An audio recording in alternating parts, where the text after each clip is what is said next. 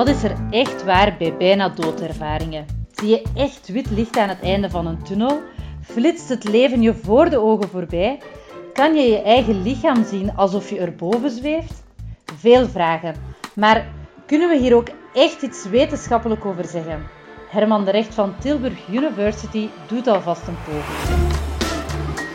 Dit is de Universiteit van Vlaanderen. Ik kom uit een eh, grote Brabantse familie. Met uh, aan uh, beide kanten heel veel ooms en tantes. En een van die tantes die vertelde mij het volgende. Weet je nog Herman dat je met mij aan het wandelen was? Lang geleden toen jij nog klein was. Ehm, in een winter dat het koud was. En dat er met mij iets is gebeurd. Ik zei ja, dat kan ik me vaag herinneren. Vertel nog eens wat er is gebeurd. En mijn tante zei ja, ik, wij liepen daar door de kou. En ik was toch al uh, niet lekker. En uh, het was zo koud dat ik werd bevangen door de kou. En hoe het precies komt weten we nog steeds niet. Maar mijn hart stopte ermee. Ja. Oh, dat was eng. Ja, zei mijn tante. En ik, ik verloor het bewustzijn en ik lag op de grond. En een voorbijganger was zo slim om mij te gaan reanimeren. En iemand anders ging, uh, ging de ambulance bellen. Dat was toen nog met een bakkelieten telefoon. Moest je op zoek naar een bakkelieten telefoon, bellen. Uh, het lukte om uh, een ambulance te halen. En uh, mij in de ambulance te en, en men bleef mij maar reanimeren. Weet je dat nog, Herman? Ja, dat, dat staat mij nog bij. Tot in het ziekenhuis? Ja, ja, ja. Maar, maar tante, twee weken later was het toch allemaal weer, allemaal weer oké? Ja, ja, zegt mijn tante, het reanimeren is gelukt. En ik moest nog twee weken ter observatie in het ziekenhuis blijven. Daarna werd ik ontslagen. En uh, gelukkig leef ik nog. Ik zei ja, gelukkig. Uh, ja, zegt mijn tante, maar ik wil je nog wat vertellen. Wat wil je dan vertellen? Ja, ik wil, ik wil graag vertellen over, over wat ik nog meer heb meegemaakt. Tijdens die hartaanval en dat reanimeren. Wat heb je dan meegemaakt? Nou ja, ik, het leek alsof ik in een tunnel terecht was gekomen. En aan het eind van de tunnel zag ik licht. Ik, ik hoorde muziek. Ik zag prachtige kleuren. Ik, ik was aan het praten met jouw oom die zo vroeg is overleden. Ik, op de een of andere manier voelde ik een goddelijke aanwezigheid. Het leek alsof ik in de hemel was. Maar toen werd ik teruggetrokken. Ik werd teruggetrokken naar mijn lichaam. En, en ik zag mezelf liggen in het ziekenhuisbed en de artsen waren bezig om mij te redden. En ik wist eigenlijk niet of ik dat wou. Maar ik kon het toch niet voldoende protesteren en, en ik kwam weer in mijn lichaam terecht. En ik kwam later weer bij bewustzijn. Ja. En toen ik mijn ogen opendeed, toen zag ik de blijde gezichten van mijn zussen rond het bed. Ik zei tegen mijn tante, jee, wat jij nou beschrijft is precies wat tegenwoordig wordt genoemd een bijna doodervaring. Een bijna doodervaring. Je was niet dood, je was bijna dood en je hebt allerlei rare dingen meegemaakt. Bestaan zulke bijna doodervaringen? Wie van u gelooft dat zulke bijna doodervaringen bestaan? Wie denkt dat er mensen zijn die inderdaad een tunnel zien en op het eind licht en die met overleden personen. Ja, ja, ik denk namelijk ook dat bijna doodervaringen inderdaad bestaan. Um, en dat niet, ik denk het niet alleen, dat bijna doodervaringen bestaan, maar um, er is zelfs wetenschappelijk onderzoek naar gedaan. En niet zomaar wetenschappelijk onderzoek, er is top wetenschappelijk onderzoek gedaan door Pim van Lommel. Pim van Lommel is een gepensioneerd cardioloog. En die heeft uh, wetenschappelijk onderzoek gedaan naar bijna doodervaringen. En niet zomaar een wetenschappelijk onderzoek, maar hij heeft onderzoek gedaan dat, uh, samen met collega's, dat gepubliceerd is in een triple-A tijdschrift. The Lancet. The Lancet is een, een super gerenommeerd medisch tijdschrift. Als je daarin publiceert, dan heb je het gemaakt. En dan kun je de wereld over met je verhaal. Pim van Lommel heeft bijna doodervaringen bestudeerd. En um, hij heeft bij 62 mensen uit een groep van 344 heeft hij vastgesteld dat ze een bijna doodervaring hadden. Maar wat Pim van Lommel ook doet, is een hele speculatieve hypothese formuleren.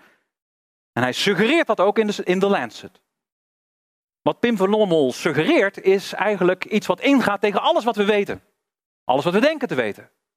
Namelijk dat je een helder bewustzijn kunt hebben, terwijl je hersenen helemaal niet actief zijn. Dat de geest onafhankelijk kan bestaan van het lichaam. Als dat echt zo zou zijn, als je dat kunt concluderen op grond van bijna doodervaringen, dan is dit een breakthrough. Is dit een ontdekking van je welste. En het staat in The Lancet, een gerenommeerd tijdschrift. René Descartes, lang geleden, heeft al een keer proberen aan te tonen dat lichaam en geest onafhankelijk zijn van elkaar. Maar nu hebben we wetenschappelijk bewijs dat het zo is.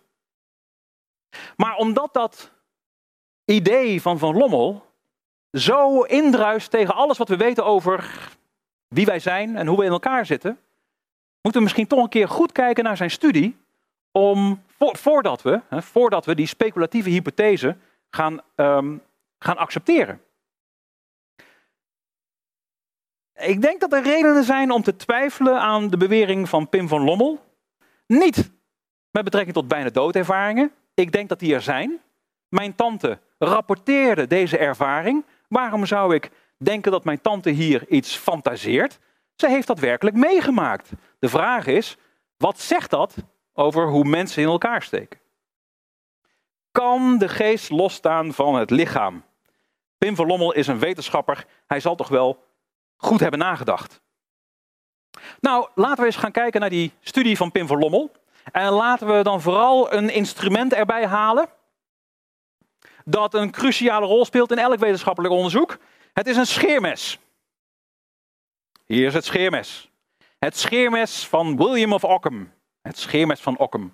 Het zegt: neem niet meer aan in je wetenschap dan dat je nodig hebt om te begrijpen wat er is gebeurd. We gebruiken het scheermes van Ockham om te kijken of Van Lommel gelijk heeft. Dus de vraag is, de vraag is uiteindelijk, volgt uit het bestaan van bijna doodervaringen of de geest los kan staan van het lichaam? Hebben we naast een wereld van lichamen ook een wereld van geesten? Oké, daar moet ik even uit gaan leggen. Daarbij moet ik even gaan uitleggen hoe het onderzoek van Pim van Lommel in elkaar steekt en wat er is ontdekt. Um, hier heb ik een, eh, een poppetje. Oh, uh, heeft helaas een hartaanval gekregen. En dit poppetje krijgt hier een hartaanval. Dat betekent dat er niet meer voldoende zuurstofrijk bloed gaat naar de hersenen. En dat poppetje dat valt flauw. Maar de hersenen, het lampje, de hersenen geven nog signalen. En op een gegeven moment word je misschien gereanimeerd, maar die reanimatie die slaat niet meteen aan. En er komt steeds minder zuurstof in je hersenen terecht. En op een gegeven moment doen je hersenen het niet meer. Flatline, zoals ze het noemen. Geen signalen meer van de hersenen.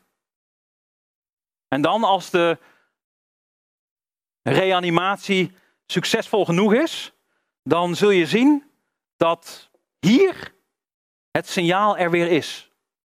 Hier is er plotseling weer licht. Hier is er weer signalen en als je nou maar geluk genoeg hebt, dan zul je zien dat langzaam maar zeker je ook hier weer bij komt. Nu zegt Pim van Lommel het volgende.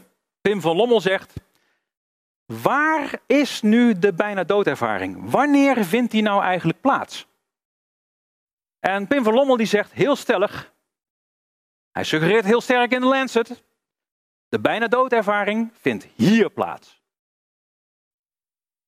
ten tijde van een flatline. Op het moment dat de hersenen geen signaal meer geven. Oké. Dat is nogal spectaculair.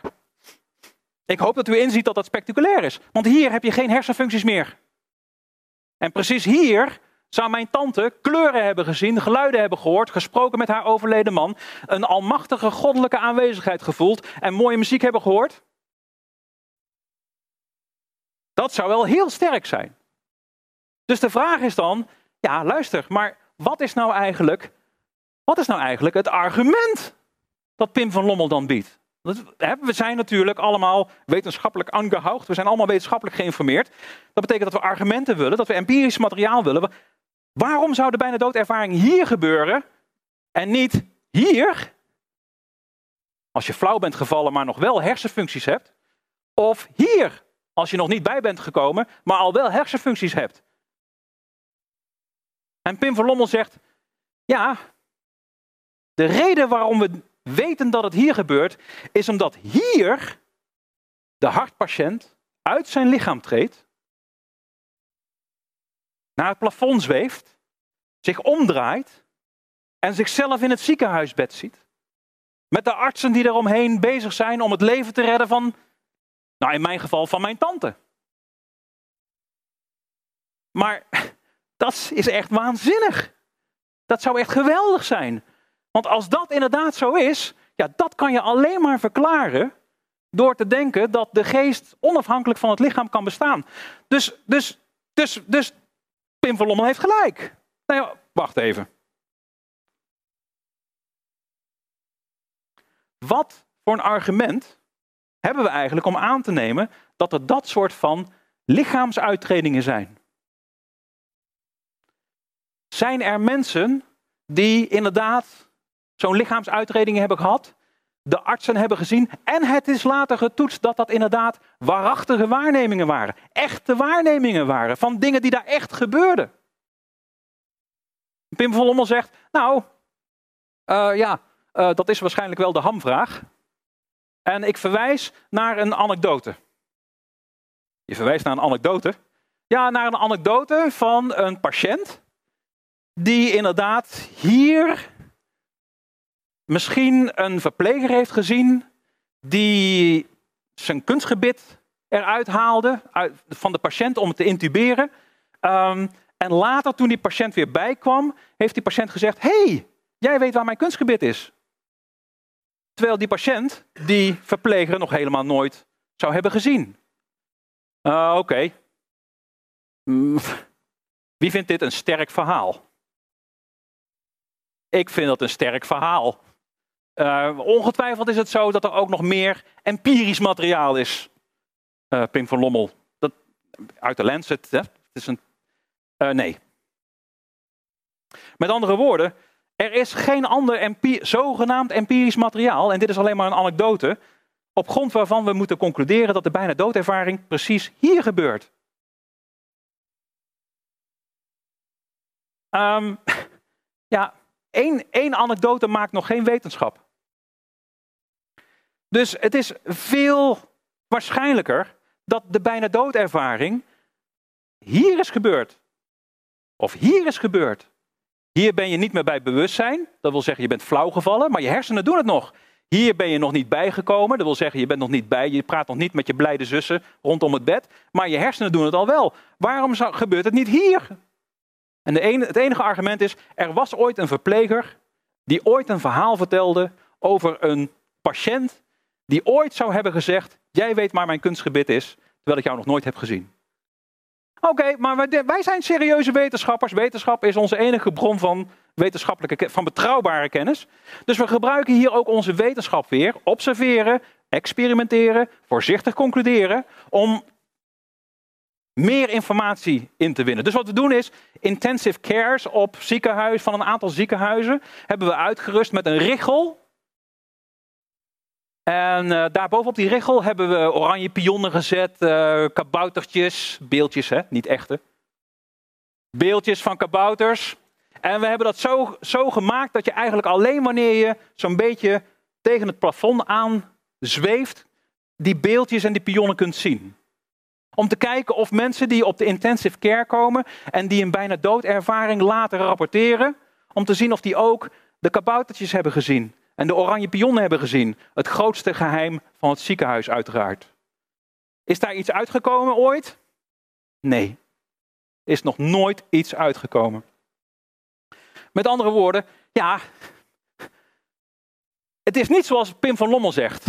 Maar er zijn wel bijna doodervaringen. En, en hoe verklaren we die dan?